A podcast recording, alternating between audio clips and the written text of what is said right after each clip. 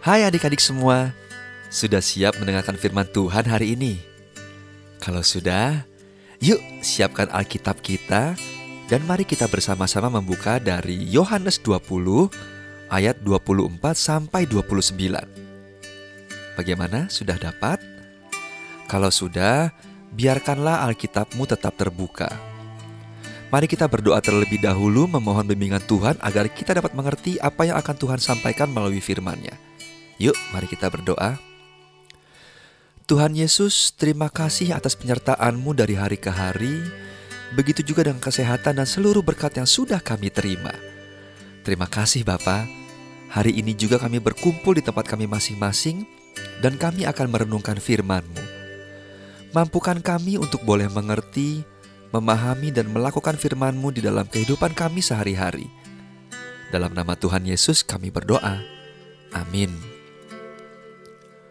Renungan hari ini berjudul Yesus menampakkan diri. Sebelum mendengarkan renungan, mari kita membaca firman Tuhan yang tadi sudah kita siapkan.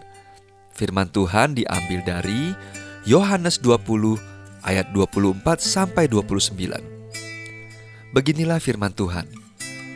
Tetapi Thomas, seorang dari kedua belas murid itu yang disebut Didimus, tidak ada bersama-sama mereka ketika Yesus datang ke situ. Maka kata murid-murid yang lain itu kepadanya, "Kami telah melihat Tuhan." Tetapi Thomas berkata kepada mereka, "Sebelum aku melihat bekas paku pada tangannya, dan sebelum aku mencucukkan jariku ke dalam bekas paku itu, dan mencucukkan tanganku ke dalam lambuknya, sekali-kali aku tidak akan percaya." Delapan hari kemudian, murid-murid Yesus berada kembali dalam rumah itu, dan Thomas bersama-sama dengan mereka. Sementara pintu-pintu terkunci, Yesus datang dan ia berdiri di tengah-tengah mereka dan berkata, "Damai sejahtera bagi kamu."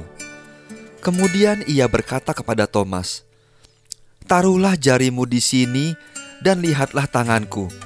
Ulurkanlah tanganmu dan cucukkan ke dalam lambungku." Dan jangan engkau tidak percaya lagi, melainkan percayalah. Thomas menjawab dia, "Ya Tuhanku dan Allahku."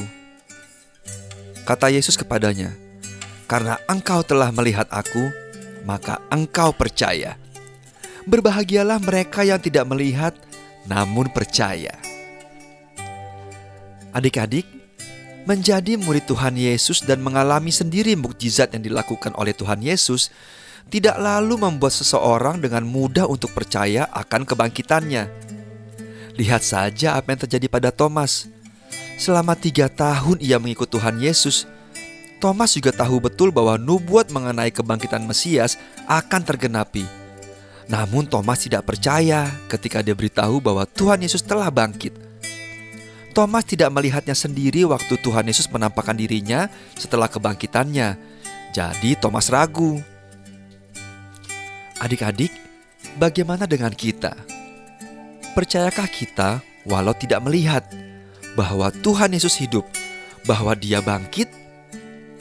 Tentu kita percaya karena kita bisa membaca sendiri kisah tentang Tuhan Yesus termasuk kebangkitannya di dalam Alkitab. Dan Alkitab yang kita imani bukanlah dongeng belaka, tapi firman Tuhan yang hidup. Adik-adik, ayo kita ucapkan kata-kata ini. Aku tahu Yesus bangkit sekalipun aku tidak melihat. Sekali lagi, aku tahu Yesus bangkit sekalipun aku tidak melihat. Mari kita berdoa. Bapa di surga, terima kasih karena Tuhan Yesus telah lahir mati, bangkit, dan naik ke surga untuk kami. Ajar kami untuk terus percaya semua ini, meskipun kami tidak pernah melihatnya. Terima kasih ya Tuhan. Dalam nama Tuhan Yesus kami berdoa. Amin. Ya adik-adik, demikianlah akhir dari podcast Shema hari ini. Kita ketemu lagi di hari-hari berikutnya ya. Salam sehat selalu dan Tuhan Yesus memberkati. Bye.